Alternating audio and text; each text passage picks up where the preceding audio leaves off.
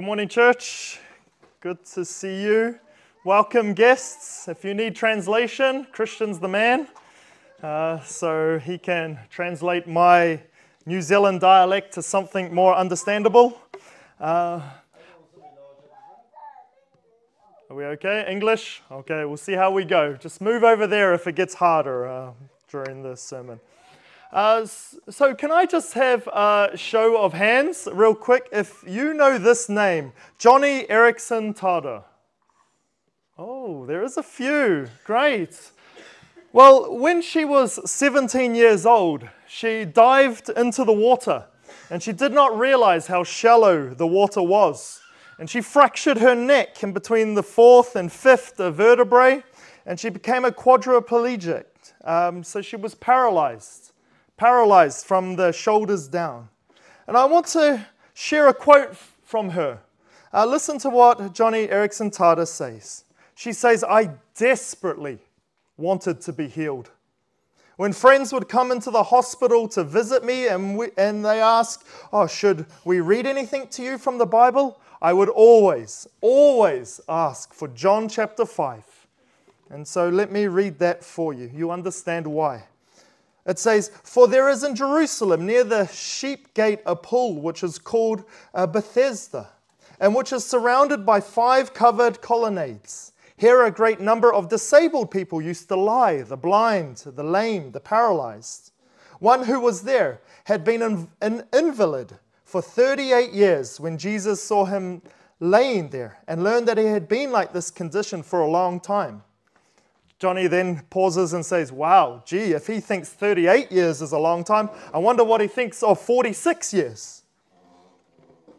And uh, John chapter 5 continues, and it says, Jesus asked him, Do you want to get well? And Jesus said to him, Get up and walk. Joni continues, and she says, I cannot tell you how many times I would lie in bed straining to make my muscles move. And I would sing a hymn that I learned as a child Savior, Savior, hear my humble cry. While on others thou art calling, Jesus, do not pass me by. But I never got up out of that bed and walked. And it seemed back then that Jesus had passed me by. Joni longed for healing. I could not move her legs and arms for many years, many years. And although we are not going to this story in Bethesda, our passage today talks about Jesus healing. And we'll be turning to Mark, and in Mark chapter 1, verses 29 to 39, it could be seen as a focus on healing. But I believe there's a clearer focus in this passage. A focus that Mark wants us to see, and that focuses on Jesus' authority being personal, powerful, and with priorities. Priorities that might not actually line up with our own, and, uh, but they should. And something that Joni also came to see, as we'll hear later today. And so, uh, so throughout this message, we will look at the authority of Jesus in this passage, but we'll also hear from Joni Eareckson Tada's testimony and how this passage that we're going to read now helped Joni to see Jesus in a more biblical perspective.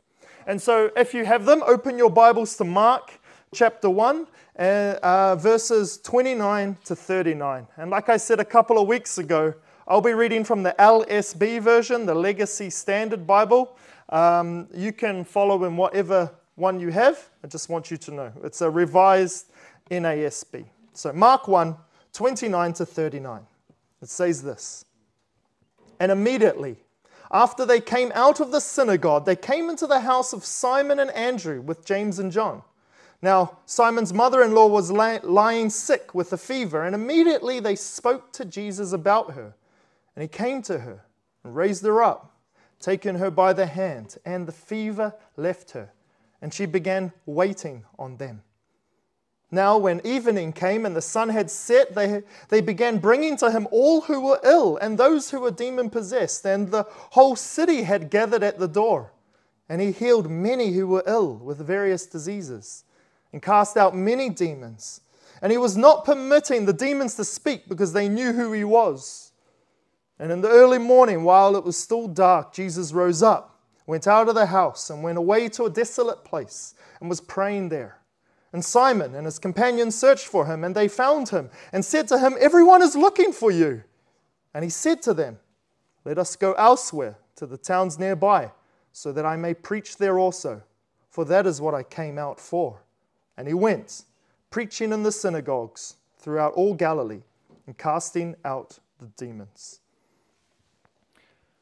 So, the Gospel of Mark began with John the Baptist coming onto the scene to prepare the way of Christ and the Lord Jesus being baptized, not as a confession of sin, but as a way to identify with his people. And one of the ways that Mark, uh, through Peter's testimony by the Holy Spirit, um, he uses this to focus on Christ as the God man. And then you would remember there was the temptation in the wilderness, then the calling of the disciples. And then last week we heard from Pastor Bob uh, about the Sabbath day. And last week it began with the preaching in the synagogue and the casting out of a demon. And now we're, we're back still on the same day. And so I, I wonder, I ask this question what would it be like to spend a day with Jesus? Morning has passed. Uh, the synagogue preaching time was interrupted by a demon, and, and that is, that's done now. And I'm sure that was a morning to remember. Um, there was teaching with authority, and, they list, and the listeners, they were astonished, it says. They were amazed. And then the casting out of a demon, that is something to talk about on the way home from the synagogue that day. And so we'll see what happens within the next 24 hours of this. So, if you would like to take notes, I will split our passage today, verses 29 to 39, uh, into three sections. First, we'll see Jesus' authority is personal, and that's in verses 29 to 31. Second, we'll look at Jesus' authority, and we'll see that it's powerful. That's in verses 32 to 34. And then finally, we'll see Jesus' authority has priorities, and that's verses 35 to 39. And so let's begin with the first point, and that's that Jesus' authority is personal. And so let's read verses 29 to 31. It says, And immediately after they came out of the synagogue, they came into the house of Simon and Andrew with James and John. Now, Simon's mother in law was lying sick with a fever, and immediately they spoke to Jesus about her. And he came to her and raised her up, taking her by the hand, and the fever left her and she began waiting on them or serving them. Could you imagine what the talk was like on the way home from the synagogue? Uh, think of yourself. What kind of conversations do you have on the way home from church, from a church service? Maybe you'll talk about the songs that were sung, or the passage that was read, or the sermon text, or the preaching, or how the kids behaved, or uh, if you managed to get something to eat, or were you talking too much, or if the coffee was warm enough, or strong enough, or too weak, or, too weak, or, or weak, or not weak enough. It does not say here in this passage what they talked about or what they thought about, but it must have been at least on their mind what they just saw in the synagogue yesterday or earlier that morning. And so Jesus teaching and preaching, it amazed them. Uh, he did not teach like the scribes. The scribes will use quotes um, throughout their talks. They would talk about what others had said, and yet Jesus stood and said, Well, you have heard it said, dot, dot, dot, but I say, and he claimed himself as the authority. And the people were amazed. And that wasn't all. Uh, uh, have you ever been at a church where someone has yelled out something? It's kind of weird, and then you talk about it later. And oh, that can also be the talk of the week, depending on what they shout out during the church service. Um, but it must have been something else when you see this demon screaming coming out of a person. And now, here at the beginning of our passage, we have Jesus coming out of the synagogue and he's walking to Simon's house. And here we see the contrast again. Just like with the glorious baptism and then sent into the wilderness, here we see Jesus exalted and powerful and then walking home with his followers to their house to have some lunch. The king, but also the servant. The servant king coming over for lunch. He was ordinary, but he was also not ordinary. We see in verses, verse 30, it says, Now Simon's mother in law was lying sick with a fever, and immediately they spoke to Jesus about her. Well, going from that incredible experience in the synagogue to walking home and all what, have, what had happened, walking in the door with excitement and joy, likely uh, being excited to share a meal with the guest preacher for the day, Jesus himself. And they come home, maybe expecting the smell of something delicious, delicious food from this dear woman. But rather than a meal being prepared, there is a sense of dread in the house. News that the, his mother in law was sick must have, just for a moment, maybe sucked the air out of the room. You know that shocked feeling that you get when you hear some bad news? You feel it in your stomach and you gasp for air, and it feels like time has just stopped for a second.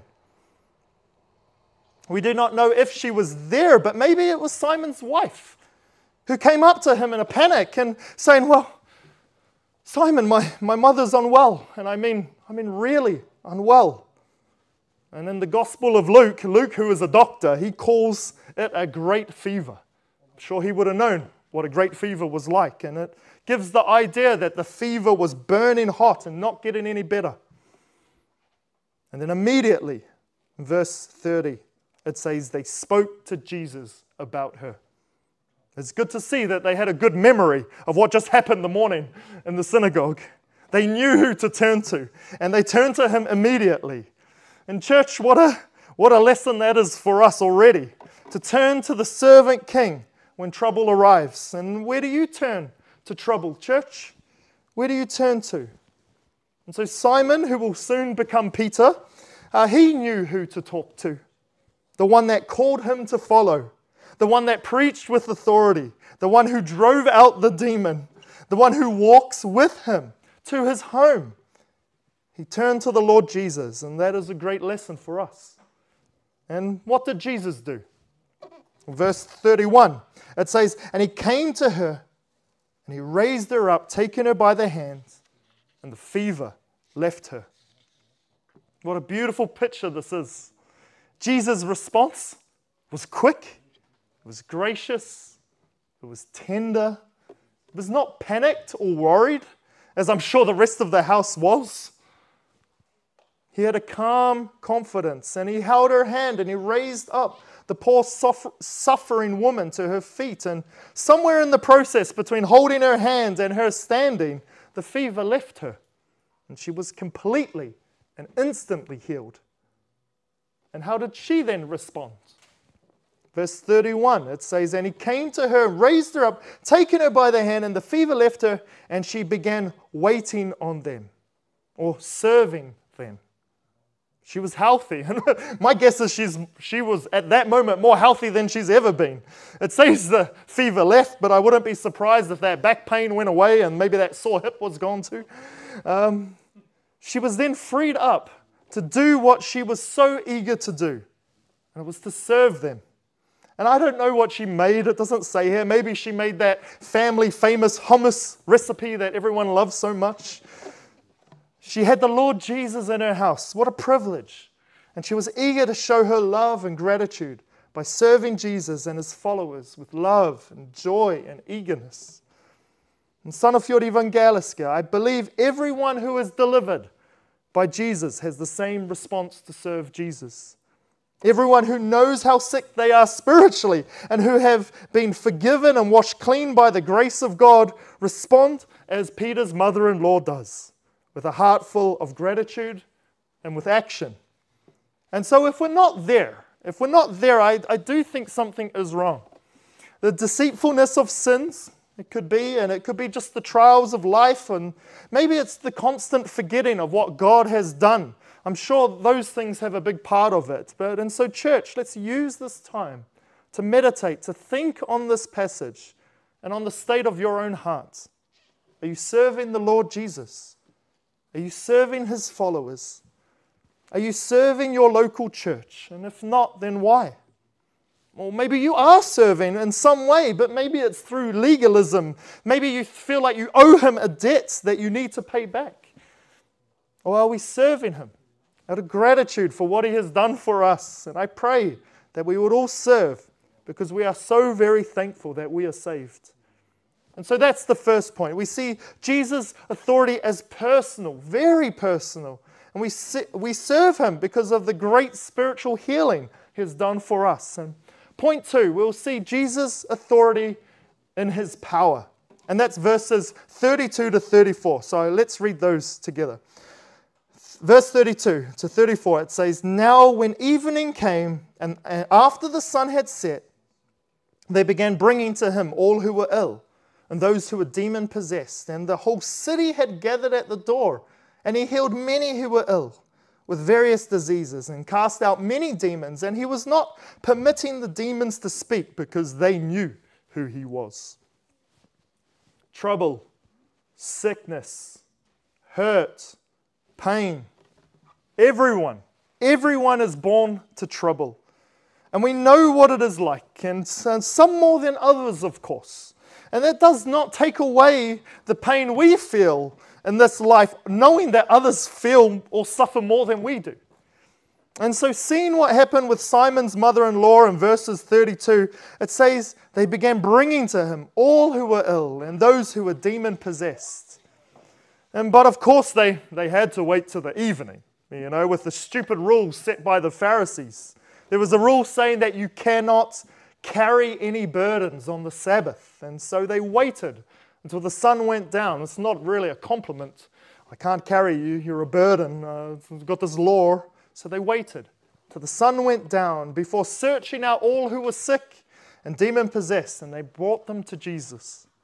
In verse 33, it says, And the whole city had gathered at the door. Capernaum would have been, had about 10,000 people.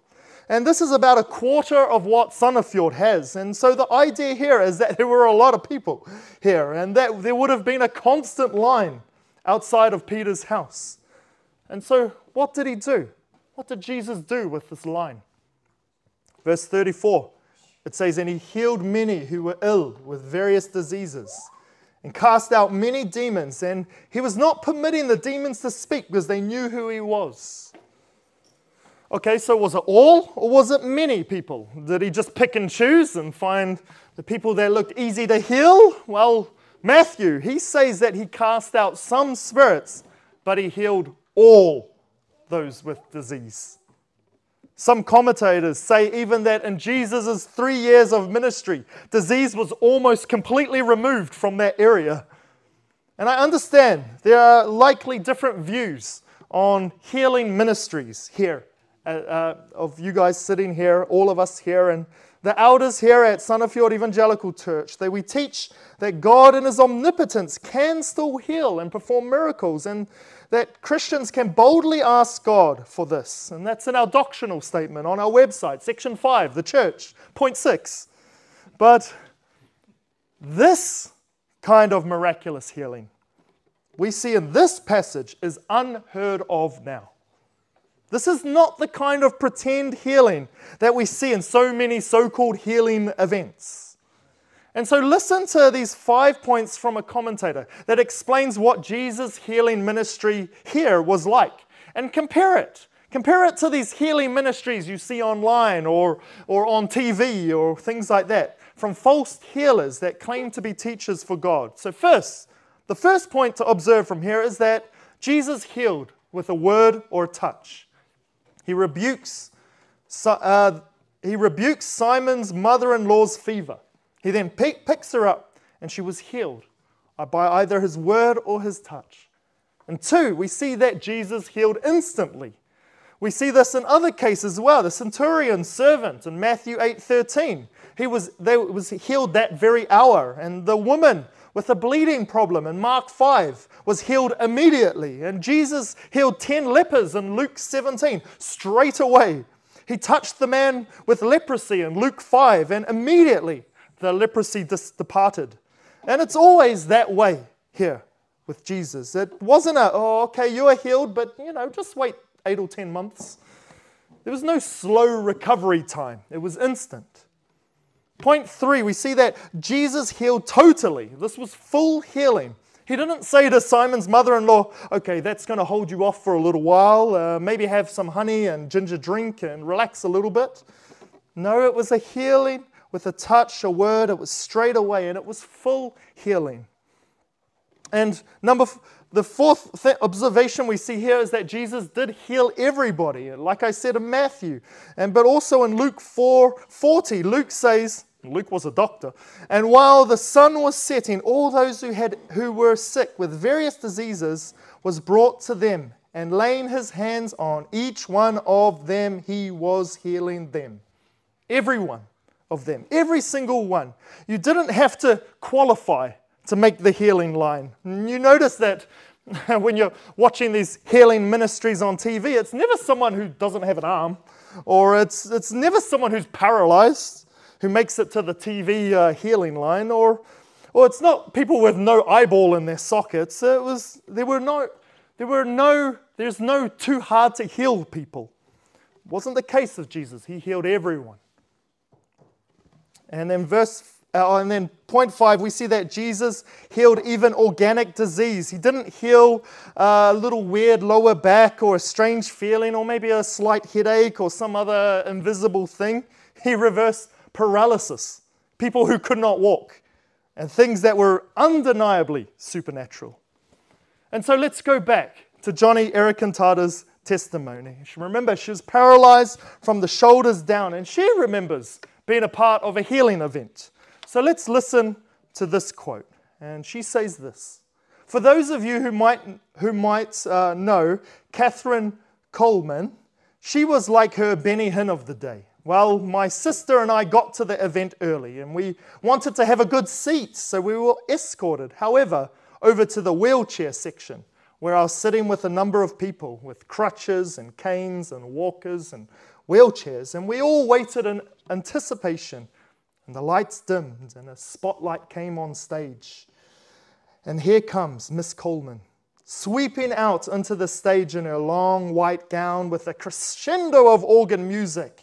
And there were songs and hymns, and before you know it, after some time, the spotlight moves to the far corner of the room, and we can tell something's going on over there, like people getting healed. Are they getting healed? Are they getting healed? And so so we're just waiting for the spotlight to come to us on the wheelchair section. We're like, hey, come over here where all the hard cases are. Before the service ended, ushers came to help us all out of the wheelchair section to the elevators, so not to block up the hallways for everyone else. And I could hear the organ music on the other side of the wall still playing as I sat I was number 15 in a line of 35 disabled people at that elevator. We were all very quiet, and I looked up and down that line, and I thought to myself, something is wrong with this picture. This event Joni was at was not of God. It was false teachers, false healers, looking to get rich on false promises in Sandefjord Evangelical Church, read the scriptures. This is a beautiful picture of Christ's authority and power that is not to be copied by us or others. The first healing in the Bible is in Genesis 20, and that's 2200 BC, uh, 2,000 years after Adam and Eve. Or before Christ, sorry. 2,000 years before Christ. And no, there were no healings before that. And then from Abraham to Isaiah, there was 1,500 years where you could see about 20 miraculous interventions of God that caused, that was, that caused healing. There were 20 healings among the millions and millions of people over the hundreds and hundreds of years recorded in the scripture. And then from Isaiah to Christ, there was, there's zero healings recorded. Not one in 750 years of Bible history. No wonder. In Mark 2, verse 12, when he heals the paralyzed man, when Jesus heals the paralyzed man, and the paralyzed man picks up his bed and walks off, what was their response? It says they were amazed, glorifying God, saying, We have never seen anything like this. Which is to say that they've never heard any of anything like this happening. And in Matthew 9:33, after one of Jesus' miracles, uh, they say nothing like this has ever been done in Israel. And so, here in this passage today, we do not read this for imitation. Wherever you stand on the healing argument, uh, we don't read this for Im- Im- imitation, but for worship. We see Jesus' authority and power in this passage. We see his care his compassion for us who also suffer pain and trouble. And although you may not be healed today, you must understand that it's not because Jesus doesn't love you. Do not read this passage of Jesus healing all and then think that, well, I guess Jesus does not care for me and my suffering. No. His healing ministry at this time was for a purpose. It is recorded by Mark for a purpose. That purpose is not to say that Jesus will definitely heal you of physical suffering in this life. The purpose is to establish and make clear that he is truly the Messiah. This man, who you could not tell the difference between him and his disciples, this man who walked on earth not with a halo, he wasn't glowing, he wasn't with aura shining bright wherever he went. He walked on earth as one of us. This man that Judas had to kiss on the cheek so that others could tell that that was Jesus. This is written that we may see that he truly is God incarnate, God in the flesh, the Son of God, the Messiah. And we see his compassion for the suffering and the sick. Yes, we see that. But more importantly, we see that this man was not just a man, he is the Son of Man. And, church, we should be in awe of this power. We should be astonished with his compassion, and we should worship him as the Son of God. And that was the second point. First, we see his authority and his personal care towards others. Going to Simon Peter's house, caring for his mother in law, healing her. And then we see his authority and his absolute power over sin and sickness and demons. And now we'll see that his purpose was not ultimately to heal the sick here on earth. And we'll see that even though his healing ministry was extremely effective, a good healing ministry was not actually his priority. And so, our third point, our final point for today, is we see Jesus' Jesus' authority and his priorities.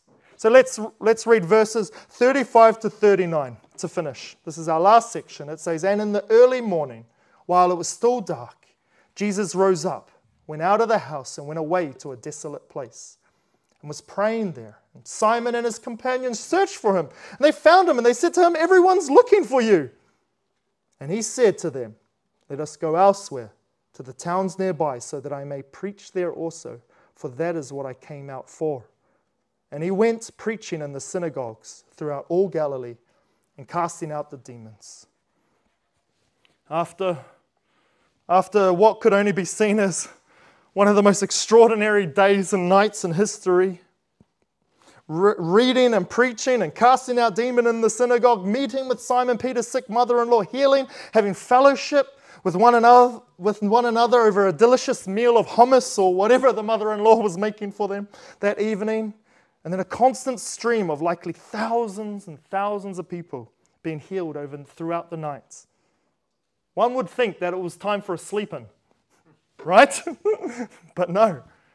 Verse 35, he says, "In in the early morning, while it was still dark, Jesus rose up and went out of the house and went away to a desolate place and was praying there. This is not the only time he would leave to pray. And there's three times that Mark mentions specifically that Jesus goes away to pray. And obviously, these are not the only times he prays, but they're the ones that Mark focuses on. And all three of them are at night and a place with just himself and his Father, isolated from all those around to pray to the Lord. And Jesus had an intense desire to be with God. His need was to be refreshed spiritually in fellowship with his Father, and it was in dependence on his Father that he could do what he did. And, church, what an example for us that the Son of God would prioritize alone time with his Father. Oh, that we would also prioritize alone time with God. They say that who you are in private is who you truly are. So, who are you, church? Are you a desperate sinner in need of fellowship with your Father? Or are you an, a desperate sinner who does not care about time with your Creator? In the next verse, we will see clearly that uh, Simon Peter's priorities are. We'll see those, and then we'll, we'll also see what the Lord Jesus' priorities are. Let's read verses 36 to 37. It says, And Simon and his companions searched for him and they found him and said to him, Everyone's looking for you. Here comes Peter, huh? comes and interrupts. Everyone's looking for you, Jesus. And Peter, who often said uh, more than he should, uh, says something along the lines of Jesus, come on, what are you doing here? You don't have time to sit by yourself. Look at all these followers. What a massive ministry. You have pretty much the whole town wanting to follow you. Why are you hiding? What are you whatever you're doing now is not more important than what you could be doing, Jesus. What are you doing? And what was Jesus' response? Does he respond by saying, Oh, Simon, you're so right, my mistake. Oh, yeah, you're right, let's set up our ministry here. Let's get them in by healing them, and then they'll start to give financially. We can start our big organization, have a big sign, a bigger. No, Jesus does not say that. Instead, it seems as though he's saddened to hear this from Simon and his followers. And verse 38 says, And Jesus said to them, Let us go elsewhere to the towns nearby. Pause there. Jesus just says, Let's leave. What? Why? Why leave now? What is going on? The people want healing, and he could provide it. The people want a good life, and he could give it. The people wanted less trials, and he had the power to do it. Yesterday he was keen to help, and why not now? What happened? I'm not saying it's a bad thing that these people wanted health, but Jesus makes it extremely clear that healing diseases and sickness is not what he was there for.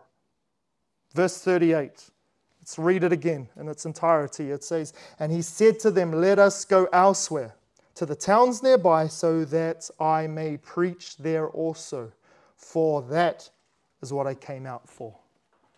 His main concern was not to heal the sick, his main concern was not to cure disease. His main concern was not to make those who cannot walk be able to walk. His main concern was not to do miracles to those who are suffering physically.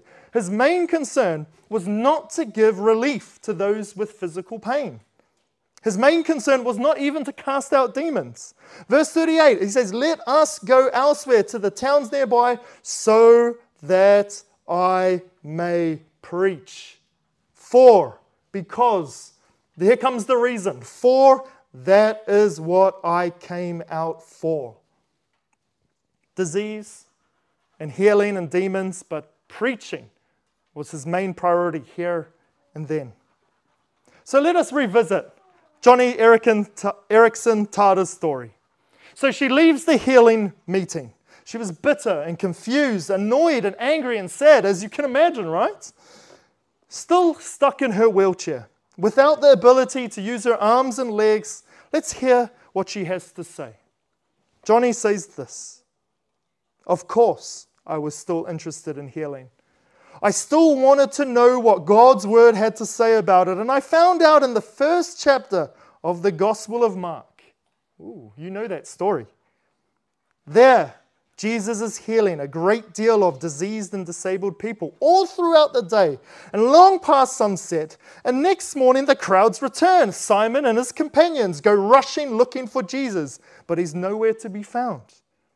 That's because Jesus had gotten up early and gone off to a solitary place to pray. And when they finally found him, they tell him about this crowd of disabled and diseased people at the bottom of the hill, all looking for healing. And I thought what Jesus responded to them was so curious, so interesting, because it says in verse 38 Jesus said, Let's go somewhere else, to the nearby villages and towns where I can preach there, because this is why I have come. Joni continues. She says, and that's when it hit me. Oh, did it hit me? It's not that Jesus did not care about all those sick and diseased people, it's just that their problems were not his main focus. The gospel was. The gospel that says sin kills, hell is real, but God is merciful and his kingdom can change you and Jesus is the way. And whenever people miss this, whenever they start coming to Jesus to get their pain and their problems fixed, the Savior would always back away. No wonder I had been so depressed, Joni says. Oh my goodness, I was in it into Jesus just to get my problems and paralysis fixed. Yes, Jesus cares about suffering people. He cares when you've been paralyzed for 38 years or 46 years. I was into Jesus just to get my pain and paralysis fixed. And I realized that yes, Jesus cares about suffering, and he spent most of his time when he was on the earth relieving it. But the Gospel of Mark showed me his priorities because the same man that healed blind eyes and withered hand is the same one who said, Gouge out that eye and cut off that hand if it leads you to sin. Joni says, I got the picture. To me, physical healing had always been the big deal. But to God, my soul, my soul was a much bigger deal.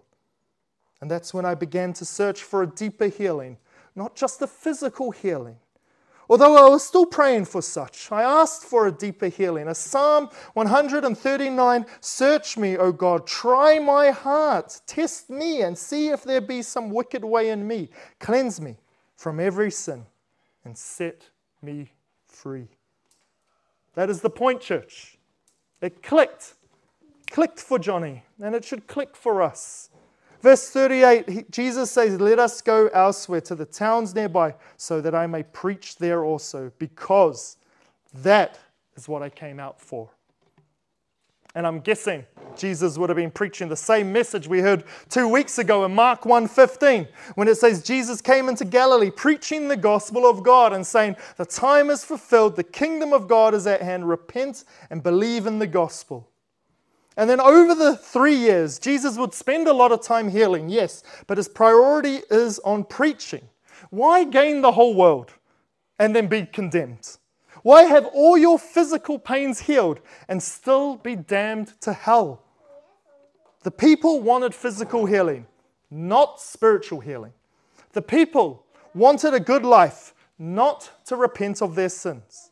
The people wanted less trials, not to take up their cross and follow him. And the last verse for today, it says in verse 39, it says, And he went, preaching in the synagogues. He did what he said he was going to do, preaching in the synagogues throughout all Galilee and casting out the demons. He goes. And yes, he's casting out demons, but more importantly, he goes to preach. Why did he leave heaven to come? He came to die for sinners. Why else?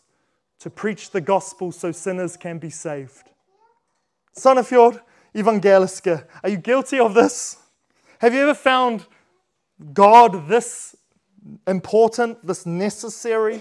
Prayer brings us into a fellowship with God that nothing else can do. Are you praying to Him? And when you do pray to God, is it just because you want an easier life and physical ease? Is the physical well being of yourself and others more important than preaching and teaching the Word of God? And the same priority must be for everyone here today. You might not be a full time teacher of the Word or a preacher, but we must all have the Word of God as the center of our ministry, as Jesus did. And what does that mean? Well, Steve Lawson helps us out with five quick points. And he says, well, first, you must attend a Bible preaching and a Bible teaching church. Whatever else it does, this must, whatever else the church does, this must be prioritized. We here are not perfect, uh, but here you have elders who, who prioritize the Word of God. Point two, you need to regularly attend.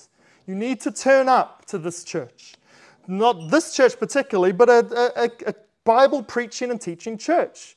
You, you don't have a time problem, you have a priority problem. If we were here giving a thousand krona notes each Sunday to everyone who turned up, uh, you'd be here early, I'm sure. But we have something else that's far greater than silver and gold. We have the very word of God. Point three, you need to participate and the preaching and teaching of the Word of God. You must study. You must teach one another, teach your spouse, teach your children, teach at Bible studies, teach at Sunday school. Point four, we must pray. Pray for the preaching and teaching of the Word of God. Pray for those up here teach. I'm so glad to see on the, on the church app that Michelle asked, oh, let's pr- can you please pray for the teaching of the Sunday school leaders? Did you pray when she asked for that? What about for me as I get up here and preach? Did you pray for me this morning, this week? Charles Spurgeon said to his church, Tell me when you have stopped praying for me, and I will stop preaching. Pray for your elders, please, for the teachers, for those that come up here, for the Sunday school leaders, for the, for the women's Bible study. Pray. Pray for the preaching and teaching of the word. And point five, give to the teaching and preaching of the word of God. Give financially to our church so we can support the teaching of the word here and for missions. It is an investment into the health of your own souls and into the souls of others. So we should prioritize preaching just as Christ did, the teaching the word of God. And so to finish today, I want to revisit one final time Joni Eareckson Tada. Her and her husband, Ken, had an opportunity to visit Jerusalem. She went on the trip, of course, in her wheelchair. Lots of bumps on the road, she t- talks about.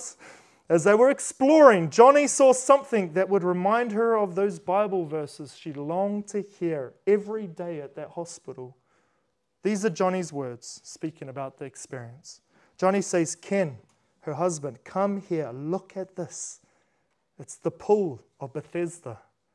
Oh, Ken, you would not believe how many times, how many times I used to picture myself here as one of those people with disabilities. The place was dead quiet. All the tour buses must have been down at the Dead Sea. and it was beautiful. It was quiet. And I leaned there on the guardrail of that old ruin while Ken, he ran down and went to the cisterns to see if there was really any water left in the pool of Bethesda. But while I was there alone, I was alone just with myself and with my Savior, and tears streaming down my face. And I prayed, Oh Jesus, thank you. Thank you for a no answer to the request for physical healing. You really knew what you were doing so many years ago because a no answer to a request for physical healing has got rid of so much sin in my life, so much selfishness and bitterness. And I know I've got a long way to go, but every day I want to wake up and I want to be a different Joni than I was yesterday.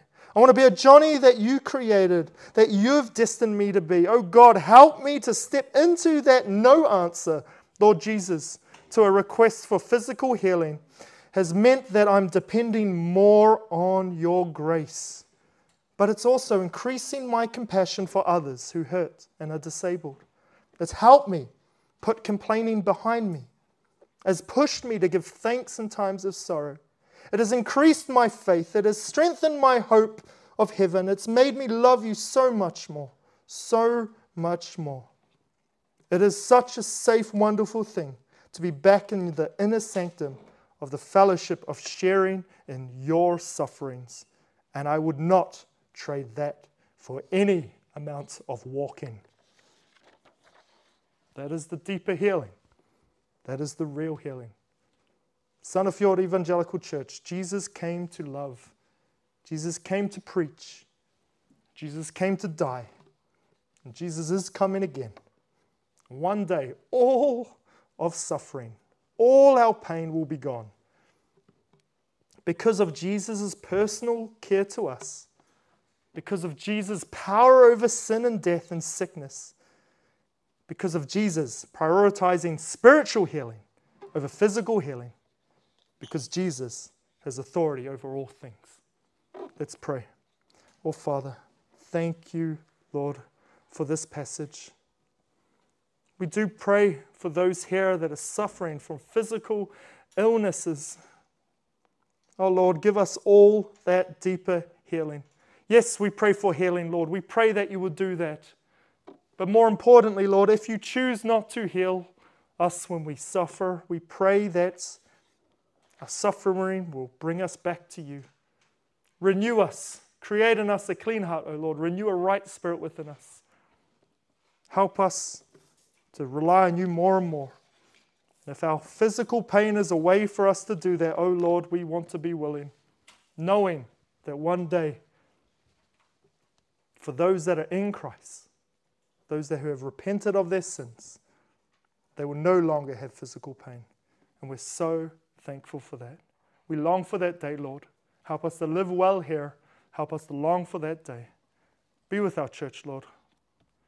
We need you. Let us prioritize the teaching of your word and to prayer. We thank you, Lord, in Jesus' name. Amen.